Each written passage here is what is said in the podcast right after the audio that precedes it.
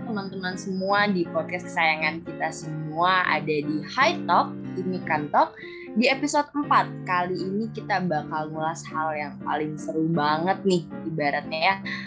Sesuatu yang diidam-idamkan sama yang namanya mahasiswa katanya. Terjun ke lapangan. Gimana nih cara kita terjun ke lapangan? Gimana nih situasi kondisi di lapangan? Kayak gitu mungkin ya. Kurang lebihnya oh iya teman-teman semua jangan lupa kita di sini nggak cuma sendiri gitu. Saya di sini nggak cuma sendiri, tapi ada teman-teman yang bakal nemenin saya. Di sini ada Maulana Asrofi Najib, ada Fadil Ogi Putra Ahmad, ada Maulana Dimas Firmansyah, dan yang terakhir yaitu ada Muhammad Ervan Saputra. Jadi teman-teman ini adalah mahasiswa perikanan 2019. Adik tingkat saya kebetulan ya teman-teman uh, mungkin nanti kita bisa sapa-sapa mendengar juga nih gimana suara-suara dari teman-teman yang sudah magang gitu. Buat podcast kali ini di High Talk ini kita bakal membahas temanya itu ada yang sedikit unik nih kata-katanya. Kisah kasih katanya. Magang di Balai Perikanan Budidaya Laut. Di mana tuh uh, balainya? Nanti kita langsung tanyain aja ya teman-teman semua di podcast kali ini. Oke, teman-teman semua uh, tetap dengerin podcast podcast ini sampai akhir dan enjoy. Be a good listener.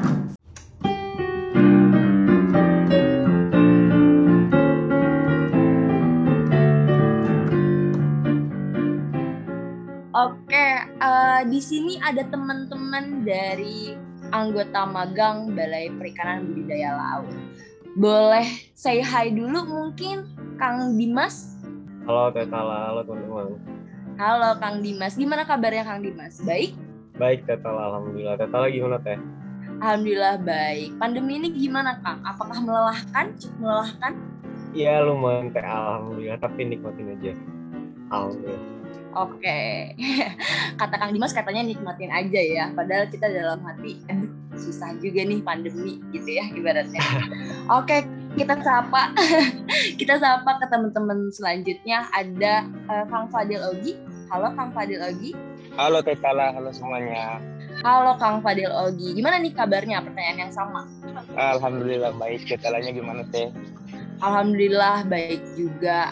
Gimana nih pandemi? Apakah kesulitan Kang Ogi? Ya sulit nggak sulit gimana ya? Ya jalani aja ya. iya Kang Ogi, terima kasih. Mungkin teman-teman semua bisa mendengar ya uh, dari tadi ada kata jalanin aja dan lain sebagainya. Karena ya gimana lagi gitu ya ibaratnya pandemi ini uh, kita doakan semoga cepat berakhir aja biar kita sama-sama bisa ketemu lagi di waktu yang tepat juga. Oke, kita lanjut lagi ke anggota magang selanjutnya yaitu ada Kang Erpan. Halo Kang Erpan. Halo, halo Tita, halo teman-teman semuanya. Halo Kang Erpan, gimana kabarnya Kang Erpan? Baik kah? Alhamdulillah teh. Baik. Alhamdulillah. Kita lagi gimana nih kabarnya? Alhamdulillah baik. Masih di Bandung nih. Kang Erpan di mana nih domisilinya? Bandung juga kah? Alhamdulillah teh. Uh, aku di Bogor. Tapi sekarang oh. lagi di oh. Nangor sih. Sekarang lagi di Nangor lagi ada okay. kegiatan. Mungkin teman-teman perikanan lain yang yang ada di Jatinangor bisa hubungin Kang Erpan kali ya. Kang Erpan buat nongki-nongki cantik gitu ya. Boleh banget sih teh. Sangat terbuka sih. Oh. siapa tahu mau sharing langsung gitu ya selain dari podcast ini bersama Kang Erpan dan teman-teman. Gitu ya Kang Erpan? Ini mantap. Boleh boleh. Oke kita lanjut ke yang terakhir nih one and only. Kang Asrofi? Halo Tetala. Halo semuanya. Halo Kang. Gimana kabarnya Kang? Alhamdulillah sehat terus aku sejauh ini. Teteh gimana? Alhamdulillah Alhamdulillah juga Kang, sehat walafiat. Uh, gimana nih kabarnya pandemi? Apakah kesusahan? Alhamdulillah sejauh ini lancar-lancar aja sih. Paling dari aku semangat terus lah buat tetap produktif kayak gitu. Oke, ada kesan pesan sedikit mungkin ya, tetap produktif kalau kata Kang Asrof. Jadi teman-teman semua ada kata-kata penyemangat dari awal podcast ini. Oke, kita langsung aja tanya jawab, kita diskusi gitu ya bareng-bareng sama teman-teman dari anggota magang di Balai Perikanan Budidaya, Laut ini. Aduh, agak keceletot sedikit ya karena di sini cowok-cowok semua, jadi saya nervous gitu ya di sini. Oke, kita tanya dulu nih, kira-kira tempatnya di mana sih? Pertanyaan pertama, tempatnya di mana sih? Oke, itu eh, paling untuk tempatnya itu kita kemarin di Balai Besar Budidaya Perikanan Laut di Lampung. Nah, tempatnya tuh kita di Desa Hanura. Itu adalah salah satu desa yang berada di pesisir Laut Lampung gitu tuh. Oke, Kang Ogi. Kira-kira Kang, aku mau nanya nih. Kenapa apa yang ngebuat kalian tergerak untuk mengikuti magang di sana tuh apa ya, Kang? Apakah misalkan aduh gabut nih pandemi gitu ya online-online mulu atau gimana nih, Kang? Ah, oke. Jadi waktu sebelum di Lampung, satu tahun sebelumnya itu aku sempat ikut magang juga diajak sama salah satu kakak aku di Jogja. Nah, setelah setahun kemudian lagi pandemi dan lagi libur aku mikirnya kayak daripada diem aja di rumah main-main doang kayaknya mending aku manfaatin waktunya buat coba magang tapi bedanya mau nyoba sendiri dan ajak teman-teman setingkat lah yang nggak ada cuttingnya nah makanya berdasarkan rekomendasi cutting juga kata di Lampung ada balai besar juga dan itu tuh di laut yang waktu itu aku belum pernah rasain lah kerja di laut itu. Jadi ya akhirnya aku coba cari-cari tahu referensi dan lihat-lihat di Google juga kayaknya menarik banget ke KJA atau Keramba Jaring Apung di laut gitu di Lampung.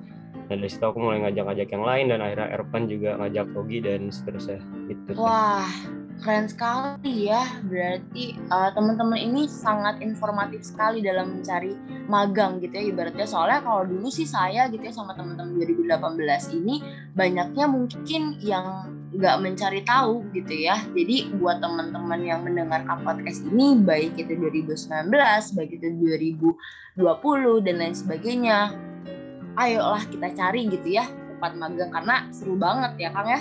Semuanya ini tentang magang apalagi kalian bisa langsung terjun ke sana. Gitu.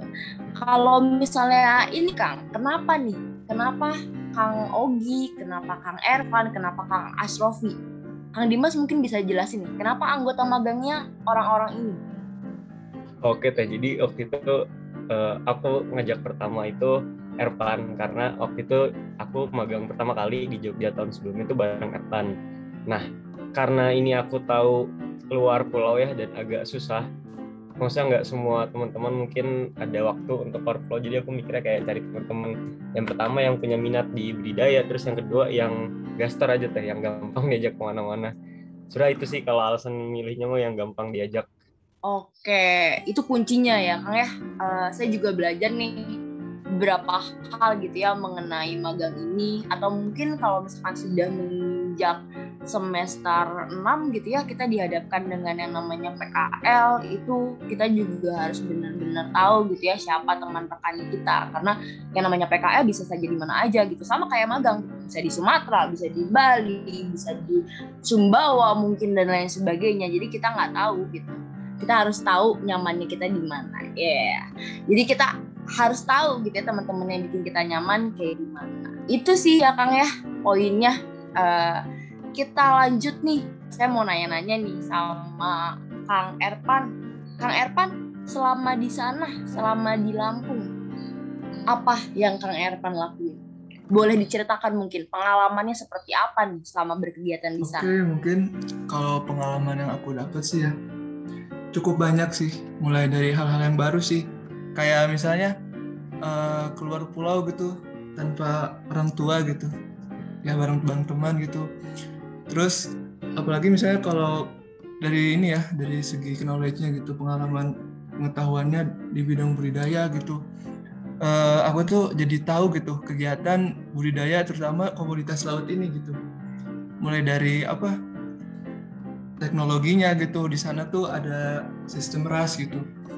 Terus ada pembenihan dan pembesarannya. Terus aku kan aku kan dapat ini ya dapat komoditas uh, kakak putih gitu pembesaran. Jadi aku di sana tuh uh, miara ikan ikan laut gitu pertama kalinya gitu miara ikan laut udah gitu di KJA gitu. Nah jadi kita tahu gitu uh, apa aja gitu habit si si ikannya gitu kapan diberi pakannya terus bagaimana sih pakannya itu kayak gimana gitu. Nah di sana juga kita bisa bisa ini sih bisa lihat-lihat komoditas yang lain gitu Oke, Kang Erpan. Kalau Kang Erpan sendiri nih megang komoditas apa sih, Kang? Kalau boleh tahu nih. Nah, aku uh, aku milih aku milih sih. Jadi kita itu kan suruh milih ya. nah di sana tuh sebenarnya bingung sih mau milih apa terus ya udahlah spontanitas aja kakak putih gitu kayak kayaknya Eh. penasaran aja gitu nah di sana Oh, tuh kakak putih ya Kang ya. ya Kakak putih, kakak putih di sana Kang Ervan baru Kang Ervan ini baru pertama kali megang atau kayak gimana nih? Baru pertama kali lihat gitu? kalau secara langsung sih kakak putih eh, biasanya kan kalau di pasar atau di rumah kan sering lihatnya kakap merah sih tapi oke itu tuh pertama kali aja sih ngeliat kakap putih dan kan aku ke bagian pembesaran eh milih pembesaran dan kakak putihnya tuh gede-gede sih jadi ada yang difokusin buat buat indukan gitu kan nah di sana ada yang nyampe satu meter sih nyampe kalau katanya sih ukurannya berarti nyampe 60 kilo gitu Wah, keren banget nih. Gimana ya kakak putih 1 meter 60, 60 kilo ya Kang ya? Heeh. Wah, Kak, Ervan sendiri megang. aduh kalau megang sih nggak nggak ini sih nggak berani sih kayak susah juga kalau megang Mungkin teman-teman yang denger ini bisa megang ya Kang ya. Nanti kalau misalnya mereka mau ke sana gitu ya. iya amin sih Oke, kalau misalnya tadi nih Kang Evan udah bilang masalah knowledge, malah masalah experience gitu ya. Ini teman-teman udah bisa ambil kesimpulan nih benefitnya sangat banyak sekali. Ketika kalian mau merantau, ketika kalian mau mencoba suatu hal yang baru gitu ya. Tadi mungkin tentang kakak putih, mungkin tentang gimana nih kakak putih kalau di lapangan dilihat langsung gitu ya. Mungkin tadi Kang Evan bilang gak berani teh kalau misalkan 60 kilo dan lain sebagainya. Kita tanya nih temennya kayak gimana? Kang Asrofi, gimana nih pengalamannya selama di sana? Megang apa? Apakah sama megang kakak, putih juga? 60 kilo juga? Oke teh. Jadi kan eh, tadi Erpan eh, bagiannya kakak putih ya. Kalau aku tuh kebagiannya bawal bintang. Nah bawal bintang, kakak putih dan ikan kobia itu dalam satu KJA yang sama gitu, tapi beda kayak blok-bloknya beda. Nah di sini tuh aku juga dapat pengalaman baru gitu. Kenapa? Karena yang mungkin orang-orang awam mengira kalau misalnya pelihara ikan, oh ya udah kasih makan kayak gitu, kuras airnya atau apa gitu kan ternyata setelah aku magang ini ternyata nggak juga bahkan untuk ngasih makan pun itu pakannya ada pakan khususnya bahkan ukuran pakannya juga berapa terus bahkan cara ngasih makannya itu beda-beda gitu tergantung kayak sifat dari ikannya itu nah di magang kita kali ini juga kita nggak cuma apa ya nggak cuma ngurusin ikan sih kita juga kayak belajar cara operasionalnya mungkin kita belajar membersihkan jaringnya, masang jaring atau bahkan ngelipatnya. Bahkan ngelipatnya aja itu sendiri tuh kayak khusus gitu. Nggak sembarang lipat langsung simpan gitu. Terus jadi eh, di bawal bintang ini juga biasanya tuh eh, ada gitu kayak pengepul yang langsung beli di karambanya gitu di KJA-nya. Jadi dia datang bawa kapal, terus dia beli, terus kita di sana juga kita belajar tentang sortir gitu ada yang grade A, grade B dan macam-macam lah gitu jadi menurut aku emang magang ini selain seru juga nambah pengetahuan sih kayak gitu teh Oke, tadi teman-teman denger nih ya, kalau teman-teman perhatiin tadi denger dengan kata jaring, dengan kata sortir gitu ya. Ibaratnya perikanan ini bukan bukan perihal ikan doang gitu ya, mengurusi tentang ikan doang, tapi kalian juga mengurusi tentang jaring, mengurusi tentang sortir, mengurusi tentang juga pakannya dan lain sebagainya. Jadi benar-benar banyak manfaatnya gitu ya. Kita balik lagi ke knowledge lagi, penambahan knowledge, terus penambahan experience juga. Kalian dapat experience yang baru. Coba kita tanya nih ke Kang Fadil Ogi. Kalau menurut Kang Fadil Ogi nih, dari sekian banyak experience yang kalian dapatkan, benefitnya apa sih Kang? Oke, eh, sebenarnya kalau dari benefitnya kurang lebih eh, hampir-hampir sama dengan Asrof sih sama Ervan juga di mana kita mendapat banyak pengalaman cara kita ngasih makan, cara kita grading ikannya supaya bisa nyortir gitu antara ikan yang ukuran segini, ukuran segini disatuin gitu. Karena memang eh, ikan yang dengan ukuran segini pakannya eh, ukuran segini gitu udah diatur. Nah kebetulan kemarin waktu di magang itu aku kan ke bagian komoditas kobia. Penasaran juga gitu kobia itu gimana sih bentuknya. Mungkin teman-teman juga belum pada tahu ikan kobia itu bagaimana bisa saja dilihat di Google gitu. Penasaran ternyata memang eh, pas KJA wah ikannya segini. Kalau kita sekilas lihatnya aku uh, astrofi Ervan lihat wah kayak ikan hiu gitu. Tapi padahal emang ikan ikan hiu itu ikan kobia nah kita uh, ngasih makan kebetulan komunitas aku tuh uh, ikan kobianya dikit gitu. Ah yang berlimpah di KJA kita tuh ikan bawal. Jadi setelah aku ngasih makan ikan kobia uh, si astrofi kan masih banyak kan ikan bawalnya yang mau nggak mau kita saling bantu aja gitu satu KJA Nah dari situ kita juga bisa uh, selain mendapat pengalaman dan pengetahuan, kita juga bisa belajar gitu saling kerjasama di tim kita di KJA itu, saling membantu satu sama lain kayak gitu.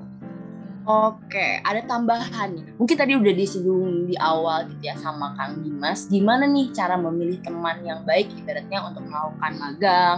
Terus bagaimana mungkin memilah dan memilih gitu ya ibaratnya biar kita sama-sama bisa kerja gitu ya Kang Fadil gimana gimana caranya kita bisa sama-sama maju kita bisa sama-sama punya pengetahuan yang cukup tapi juga bisa kerjasama bareng gitu ya Kang ya betul teh kurang lebih gitulah kita bisa saling membantu itu juga kita bisa saling bagi ilmu lah jadi si Kang Erpannya bisa berbagi tentang kakapnya gimana si Kang Asruf juga bisa berbagi ikan bawalnya gimana gitu oke aku mau nanya nih sama Kang Dimas setelah kalian dibagi-bagi nih komoditasnya, apakah setelah itu kalian sharing? Apakah setelah itu kalian curcol atau seperti apa nih biar kalian menyamaratakan yang namanya knowledge? Boleh mungkin Kang Dimas?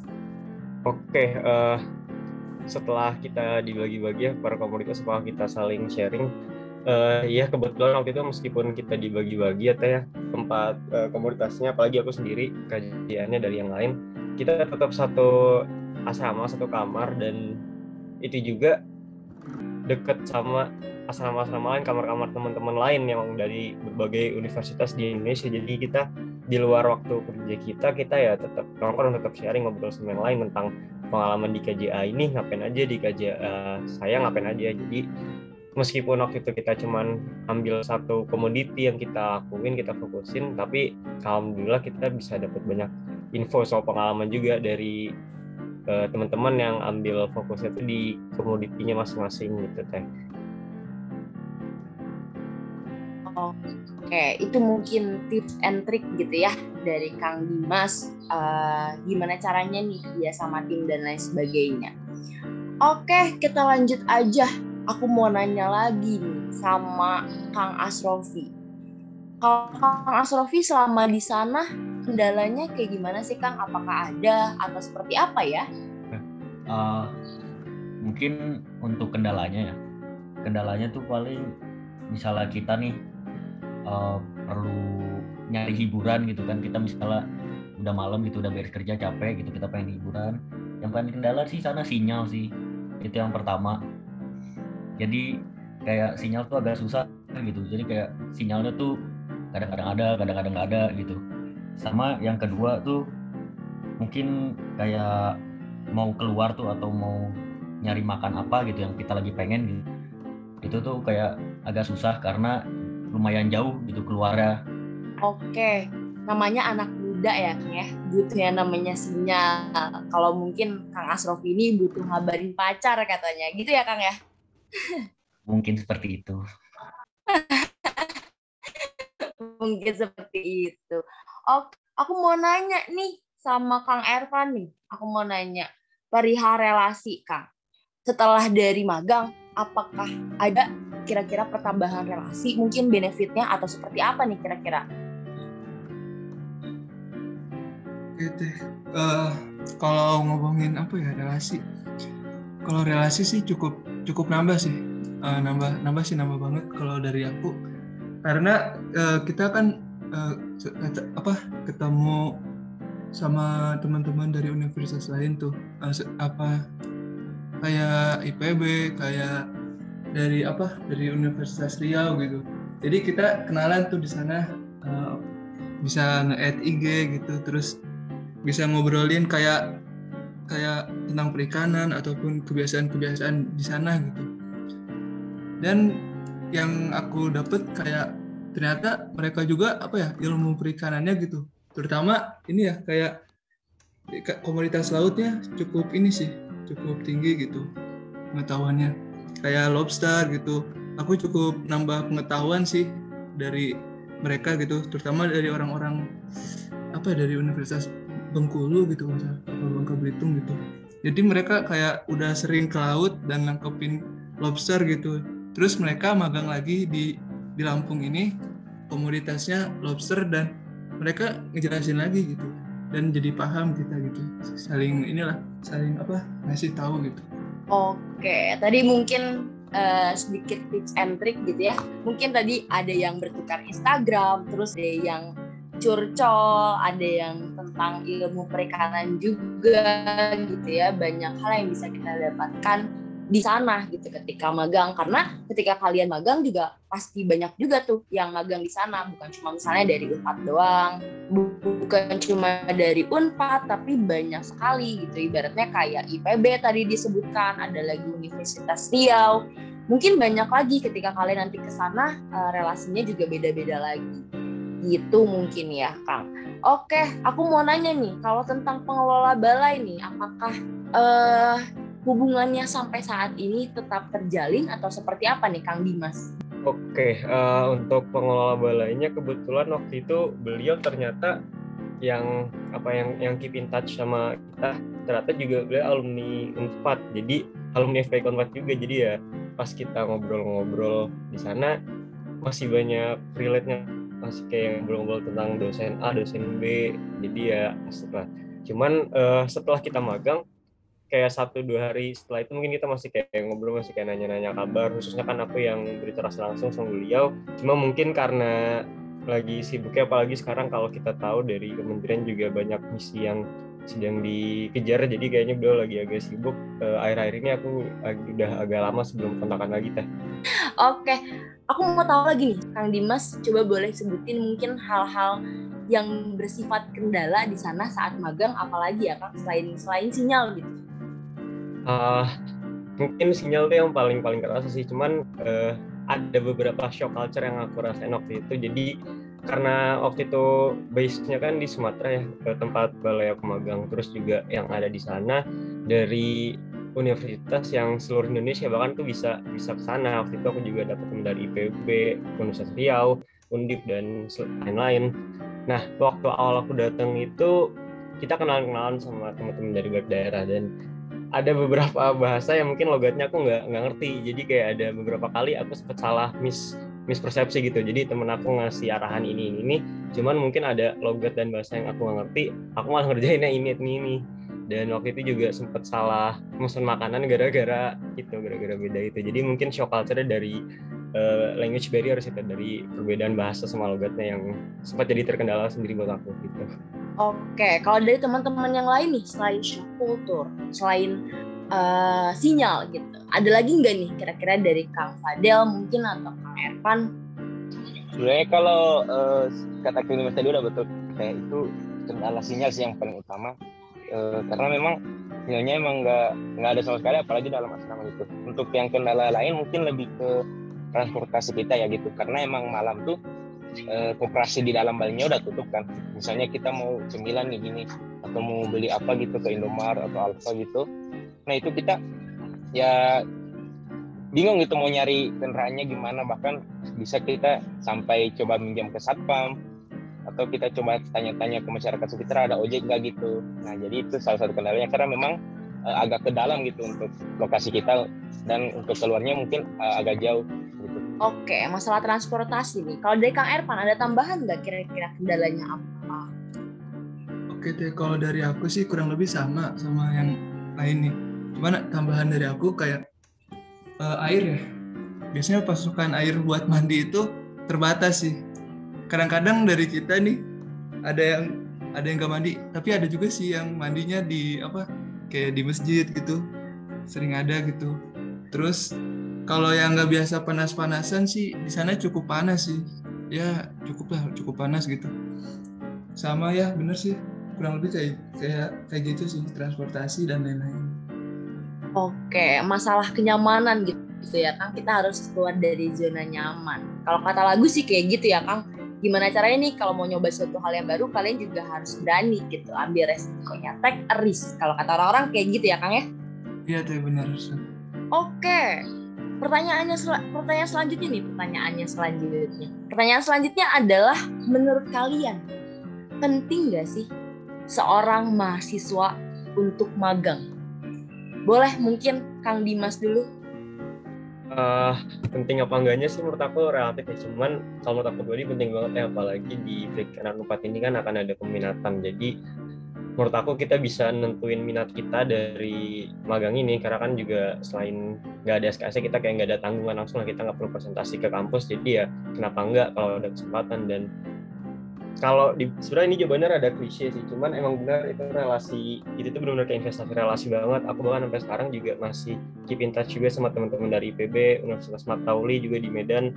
Masih sering ngobrol masih sering DM DMan terus juga ya aku belajar banyak sih kayak cara pengalaman kerja profesional di sektor budidaya perikanan itu bener-bener berkesan banget kalau dari pengalaman aku di Lampung dan di Jogja. Jadi kalau ditanya penting apa enggak menurut aku penting banget sih walaupun itu enggak di bidang perikanan atau bidang yang sedang kita tekuni tuh. Oke, banyak sekali ternyata ya, sangat penting katanya tentang investasi. Jadi teman-teman yang diinvest ini bukan cuma uang ya teman-teman, banyak sekali yang bisa diinvest buat diri kita pribadi gitu ya, buat upgrade kalau kata orang-orang gitu. Semakin kalian tua, semakin kalian bertambah umur, kalian juga harus bisa upgrade diri kalian pribadi. Dengan gimana ya investasi sejak dini. Kalau kata Kang Dimas tadi investasi relasi gitu. Mungkin investasi ilmu pengetahuan dan lain sebagainya bisa kalian cari juga nih di magang.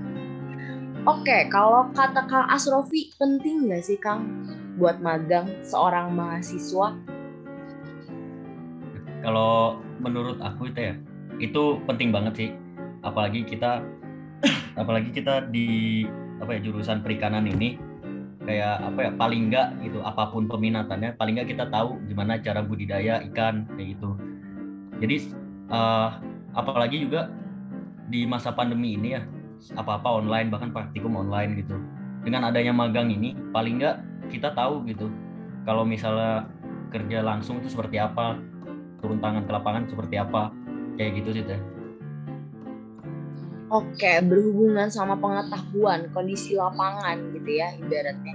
Kita mesti tahu juga nih sebagai anak perikanan kalau misalkan saya sering bilang sih anak perikanan ini anak yang nggak bisa diem, anak yang nggak bisa cuma dengerin materi. Maka dari itu mungkin kita butuh juga nih ke tempat-tempat gitu ya, langsung tahu ibaratnya di sana tuh gimana, ada apa dan lain sebagainya. Gitu mungkin ya Kang Asrofi.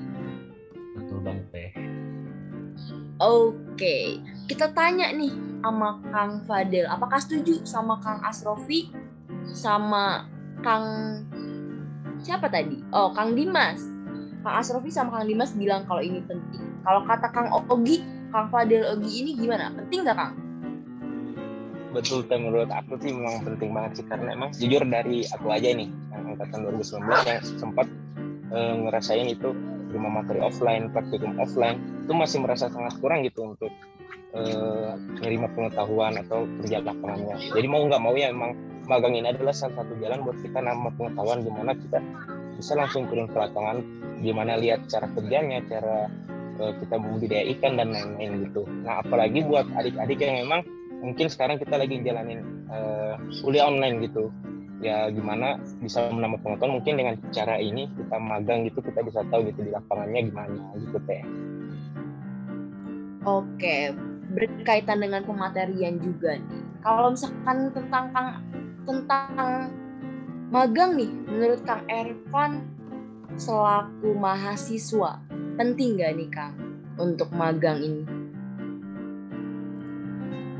menurut aku ya teh eh, sama sih sama kayak teman-teman yang lain magang ini sangat penting sih apalagi mahasiswa kan eh, beberapa langkah lagi gitu menuju kerja gitu menuju dunia yang sebenarnya gitu nah magang ini tuh salah satu kita uji coba sih uji coba diri kita bagaimana sih kalau kita ada di tempat itu harus bagaimana sih apa yang harus kita lakuin gitu banyak sih ilmu-ilmu yang kita dapat gitu jadi itu penting banget sih. Oke, menambah ilmu juga nih katanya. Oke, kita semua sekarang udah ada di penghujung acara nih, nggak nggak kerasa ya teman-teman semua kita udah banyak sekali dapet input nih. Ibaratnya pematerian sedikit dari teman-teman magang di Lampung. Semoga teman-teman ini bisa gitu ya bisa mendapatkan ilmu yang sama nih ilmu ilmu dari pengetahuan gitu. Kalau misalkan kalian mau tahu nih uh, magangnya seperti apa datanglah ke sana gitu ya. Ini sebagai promosi juga dari teman-teman uh, 2019 bahwa ada nih uh, kalau kalian mau magang di Lampung saya punya channel berarti gitu. Jadi kalian sebagai anak perikanan jangan takut nih buat melakukan sesuatu hal yang baru gitu ya ibaratnya. Oke aku mau tahu nih closing statement dari teman-teman kalau kata orang-orang sih uh, kalau ada makanan pembuka nggak cukup gitu ya. Kalau misalkan kita nggak pakai makanan penutup maka dari itu mungkin kita langsung ke closing statementnya Kang Asrofi. Boleh Kang Asrofi? Uh, kalau dari aku buat kalian yang lagi magang atau pengen magang semangat terus. Kalau emang belum pernah magang dan pengen magang cobain aja kayak kita nggak akan pernah tahu gitu. Terus kayak suka nggak suka nikmatin aja. Soalnya percaya aja itu bakal bermanfaat buat kalian ke depannya. Kayak gitu sih dari aku. Oke itu dari Kang Asrofi. Kalau dari Kang Dimas gimana? Ah oke. Okay. kalau dari aku ya menurut aku gelar sarjana itu kan banyak banget ya orang yang punya gelar sarjana walaupun perikanan juga nggak cuma puluhan nggak cuma ratusan tapi ribuan bahkan lebih dan untuk bisa stand out atau bisa terlihat lah di masa setelah kuliah nanti menurut aku itu adalah pengalaman total yang bisa benar-benar membedain kita dari orang-orang lain dari mahasiswa dan fresh graduate yang lainnya. Dan sebagai mahasiswa kita itu punya punya banget loh privilege untuk dapetin pengalaman yang gak didapat sama fresh graduate atau orang-orang lain. Jadi menurut aku selama kita dan teman-teman semua masih punya gelar sebagai mahasiswa sebuah privilege yang belum tentu orang lain rasain Nah, cara bersyukur itu menurut aku ya kita harus manfaatin dengan sebaik mungkin seperti melakukan kegiatan-kegiatan pengabdian, upgrading, self developing, pencarian pengalaman, networking, personal branding, dan itu semua bisa kita dapetin dengan banyak-banyak ngelakuin magang. Jadi mungkin dari sekarang udah bisa nih cari-cari info mau ke mana kita bakal magang pas liburan supaya ya supaya nggak gabut juga ya kan nanti setelah lulus kita juga punya value sendiri yang nggak dimiliki sama semua orang. Jadi ya manfaatin sebaiknya waktu kita masih mahasiswa. Menurut itu teh. Oke, mumpung masih mahasiswa katanya. Kalau jadi mahasiswa katanya kita harus punya punya pikiran yang lebih gitu ya daripada orang lain. Inilah yang disebut pikiran lebih. Oke, kalau misalkan menurut Kang Ogi ini gimana closing statementnya? Oke, paling dari aku gini, uh, mungkin uh, memang manusia mempunyai, satu sifat dasar yang mana kita selalu merasa tidak puas lah gitu. Nah, kata ini, kalimat ini seharusnya kita ngambil sisi positifnya gitu, di mana kita selalu merasa tidak puas atas ilmu ataupun pengalaman yang kita dapat gitu. Jadi magang mungkin adalah salah satu cara kita bisa dapat pengalaman baru, ilmu baru gitu. Jadi buat teman-teman adik-adik ataupun yang belum pernah magang itu, cobalah ber, uh, magang itu. Uh, mungkin teman-teman bisa dapat hal yang baru, pengalaman baru, ilmu baru dari magang itu. Mungkin gitu kan dari aku.